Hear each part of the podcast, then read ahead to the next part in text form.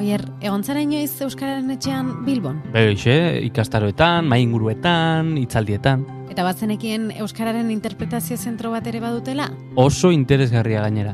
Eta Euskararen inguruko beste proiektu asko babesten dituzte, adidez, zuzeuko gaztea saria. Eta maite goiniren amar minututan podcast saioa ere Azkue Fondazioak babesten du. Azkue Fondazioa,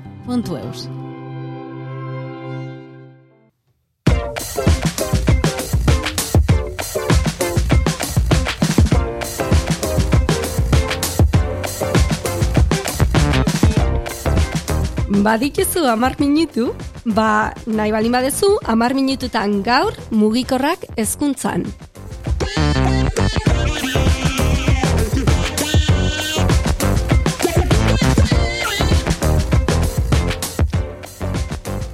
Ai, ez da erresa ba, gaur dakarkigun gai hau ez, askotan galdetzen digute, baina mugikorrak hezkuntzan zertarako.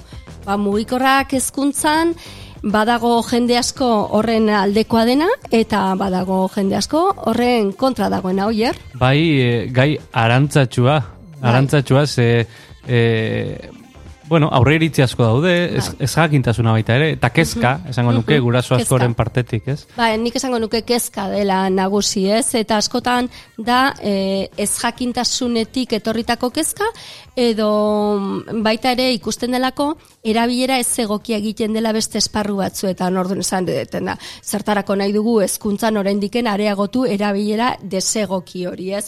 Eta horretan, ba, beti bezala, e, egon liteke, mm, e, bueno, erantzuna hezkuntzan eta horren erabilera egokian. Bai, hor, e, hezkuntzan mugikorrez hitz egiten dugunean, e, beti irudikatzen dugu e, e, aur bat edo, edo gazte bat e, jo, jo, jolasten, ez? Edo esneikera bai. jolasten edo, edo eta ez da hori, ez? E, e, eskola batean e, mugikorrak beteko luken funtzioa. Bai, ez, ez, ez, era bat bestelako izango litzateke, ez? Hitz egiten ari garenean e, erabilera didaktikoa hitz egiten ari gara, ez? Eta horrek zesan nahi du, ez? Hitz horrek, ba, adidez, e, zuk e, mugikorraren bidez, e, ez daukazu zertan ordena gaiu gelara joan kontzeptu bat azaltzeko. Haidez bideo txiki bat e, nahi bali baduzu osagarri bezala erabili, ba, e, lasai asko bakoitzak bere mugikorrean ikusi bideo txori eta gero, ba, bueno, beste proiektu batean jarrai dezakezu lanean, edo mugikorrak erabil eh, ditzakegu hezkuntzan ba, irakaskuntza pertsonalizatzeko, aplikazioak e, neurrira egokitu laitezke, edo hautatu, irakasleak hori beste egun batean hitz egingo dugu horren mm. inguruan, baina irakasleak hauta dezake aplikazio jakin bat, ba, arazo edo e, e, arazo edo bestelako me, bai. ba, behardunak gehiago, beste ritmo batera doalako, ba, ari eskaini behar duena, eta gutxiago behar duena, bai. ba, ba hori e, pertsonalizatzeko, ez? Mugikorrak tresna bezala ikusi behar dira. Tresna bat bezala ikusi behar dira beti, eta tresna horien baita nik beti esaten dut, ez? E, e, aukera ezberdinak ditugu, ditugu maiko maigaineko ordenagailuak, ditugu tabletak, ditugu proiektoreak, ditugu mugikorrak eta hoiek denak tresnak besterik ez dira. From smartphones to tablets, it seems like everyone has one these days, including kids. But are they a help or a hindrance? Well, in France, students under the age of 15 are no longer allowed to use their phones during the school day. That means no browsing the web or checking social media feeds. But not everyone's on board. Some argue that phones are actually a valuable teaching resource.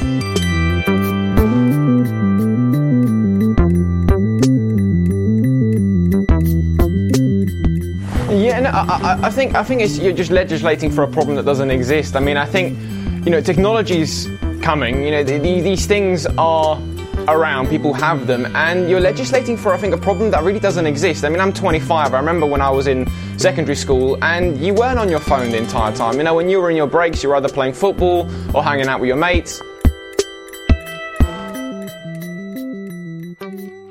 Alaxe da bai, toki batzuetan debekatu egin dituzte mugikorrak, e, Frantziaren kasua zari gara, oi hartzuna handia izan du gainera ez, hemen, e, eta bitartean, ba, Katalunian edo beste estatu batuetan, edo beste hainbat tokitan, e, mugikorrak bultzatzen ari dira beti ere helburu didaktikoekin erabilita hezkuntzan ez. Eta e, Frantziak horrek e, hautsak arrotu ditu, Bai, egia esateko, ez? E, bi tendentzia daude, ez? Bai, eta, bai. eta Frantziar estatua nahiko kontserbadore dari da, ez? E, bai horrekin eta bai deskonexio eskubidearekin, ez? Bai, bai. E, nik uste dut, e, behin hausnarketa egiten denean, ondo dagoela, ez da hau iritzi bat ona bestea txarra, ordun edo egokia, edo ez, e, iritziak daude, ez? Eta norbeak hartu behar ditu bere bideak. Nik behintzat nire irizpidea, kasu honetan nire iritzia oso bestelakoa da.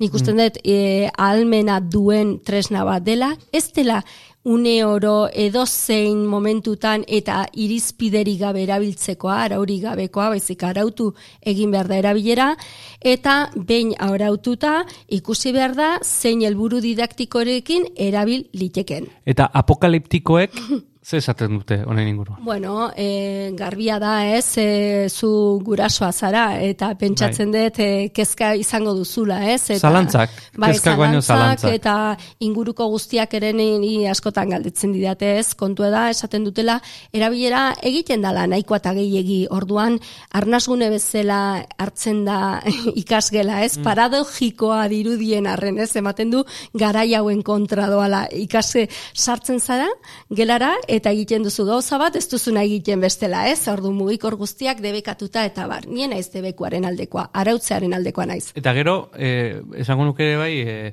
eh, kontrako asko segurazki beraien eskola garaiak oroitzetik da, Bai. dabiltzala, ez? Eh, beraien eskola garaietan ez, zego- ez zegoelako mugikorrik, ez? Eta hori injustoa balitzu bezala, ez? Bai, ez- baina, baina, baina gero egia esango dizut, gure garaian eh, ordenagailuak sartu ziren, eta eta sartu ziren, ez? Tresna bezala. Bai, ezkuntzan dago gakoa, ez? Eta erabilera egokia egitean, ze, esan nahi dut, gure garaitan eta beste batzuetan zuk ez bazenun egin nahi zerbait, ba, mm, leiotik begira jartzea, edo bestelako kontuetan, edo ordenagailuak nigoatzen naiz e, ikastolan sartu genituenean ordenagailuak orain dela urte pila bat zer egiten zuten ikaslek, ba, teklak kendu, toki zaldatu, Bai. Orduan horrelako gauzak ze gertatzen da, ez dugu aztu behar e, ordenagailuak e, edo ordenagailuek, e, mugikorrek, tabletek eta abar duten almena konektatzeko ba, kanpokoarekin, ez? E, mundura e, ateratzeko aukera hori. Ordun ze gertatzen da horrekin? Ba, hor ere e, edo zer gauza, bai positiboa edo bai negatiboak oi hartzun asko zera handiagoa izan dezakela.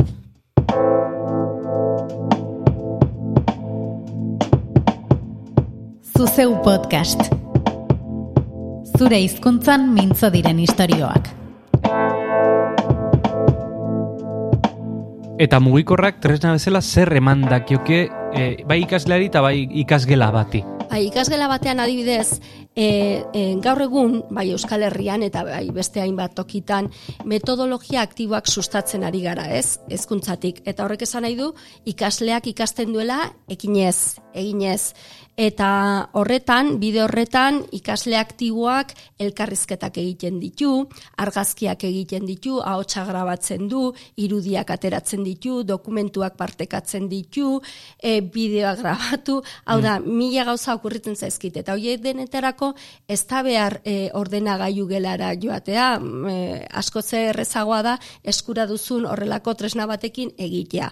Ordun, e, baldin eta hori balima da helburu didaktikoa eta horren erabilera egin nahi bali baduzu, horretan daukazu eskuan horrelako e, tresna altxu bat, ez? eta gainera, ba, gaur egun ia denek dute. Eta gero politika e, honen inguruan egiten ari direnek ere beste toki batzuetan egiten ari dira, ba, ez e, eten digital hori ikasleen artean ez areagotzeko, zeagian batek izan dezake besteak ez, ba, bueno, ikastetxeak ere e, ipintzen ditu baliba bideoiek, ba, e, ba, inbeste ez duten familia hoien esku. Eta e, deabruaren abokatuaren egingo Bai. dut. E, eta nola kontrolatzen da e, mugikor bat e, mane, manejatzen duen e, e, darabilen gazte bat? Nun jartzen dira marra gorriak? Eta zuk nola kontrolatzen duzu klasean, De- eh, deabru- klasea... deabruari deabruak erantzuten. Horregatik, esan nahi dut. Bai, Hori bai. betiko kezka da, baino eh, gaur egungo eh, klasikoak kontsideratu ditzakegun eta neurri batean pixka zarkituak geratu diren ordenagailuekin berreen gauza bera gertatzen da. Edo gurasoi botako nieke galdera hori ez, zuk ematen diezunean askotan jaurnartzearekin batera edo adin horien parean lehenengo mugikorra eh, ematen duzunean, nola kontrolatzen duzu? interneteko zebrabideetatik pasako direla eta ez direla ibidiliko bidean zehar, ez? Hor norabidean eta e, eta jakin gabe nondik datozen. Ordun zein da gakoa? Gakoa hezkuntza da eta gakoa kompetentzia digitala da eta erakustea da zer egin behar duten eta zertarako. Eta eskola bateko arduradunaren azalean jarrita, en, eskola batek zer er, e, tresna ditu, e, nola e, jarri dezake abian e, ba, mugikorrentzako plan bat? Bai, nik uste oso galdera garrantzitsua dela, ez? Erakunde batek bizio konpartitu bat izan behar du honen inguruan, hau da, e, irakaslek hitz egin behar dute, zuzendaritzak irakasle komunitateak gurasoekin hitz egin behar da, honen e, alderdi onak, txarrak eta implikazio guztiak azalduz, estrategia bat garatu behar da, azpiagiturak oso egokiak izan behar dira, ez, e, gau, e, ez balin badago wifi sendo bat, eta bar, e, normalean hau lotua dijo bring your own device deitzen dan mm, joera batekin eta Ekarri da, ekarri hori da, zure, em, ekarri eh, zure gailua. gailua, ez izango litzateke ez du eskolak ipintzen horrek ere sustatzen du nolabaiteko ardura ikaslengan ez beraien e, gailuarekin ari direlako espazio virtual bat egokitu beharko litzateke, e, horrelako ba, e, eduki digital guztiak ipintzeko, irakasle informazioa, ikasle informazio aldi berean, ez, e, ze garrantzitsua dan. Beste egun batean hitz egingo dugu honi buruz Oso ere, identitate digitala edo neitiketa, azkenean ikasle jakin behar dutena interneteko plazara ateratzeko, ez? Eta pixka bat tentuz, adi eta segurtasunez aritzeko. Eta gero, ba, baliabide eta software egokiak, honi buruz ere oso interesgarria daukago prestatuta beste baterako. Bai. Eta azkenean e, gurasoak implikatu ez pausoak ba, oso mm, arruntak dira, ez dira beste mundukoak, baina bai nik uste dut denak banan-banan jarraitu beharrekoak.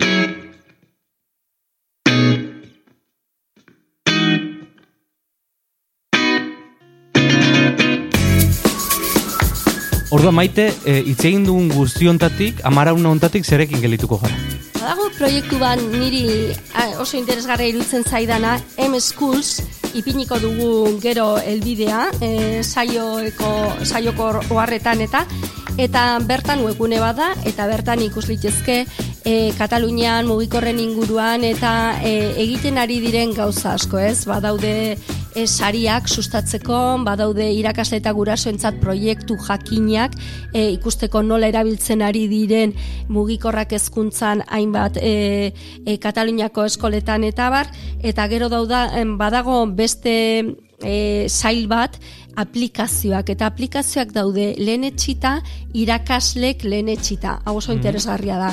E, orduan badago non topatu, ba, mm, matematika edo zientziaren inguruko gauzak e, e, lantzeko bai. ba, e, puntuazio bat dute eta irizpide batzuen baitan egokitutakoak dira. Orduan, beraz, M Schools e, proiektua eta oso baliabide egokia izan liteke, ba, gaurko emana edo gaurkoa horrekin geratzeko, ez?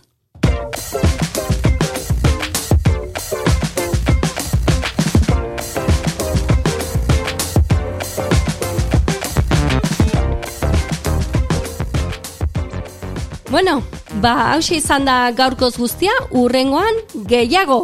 Eta hobeto.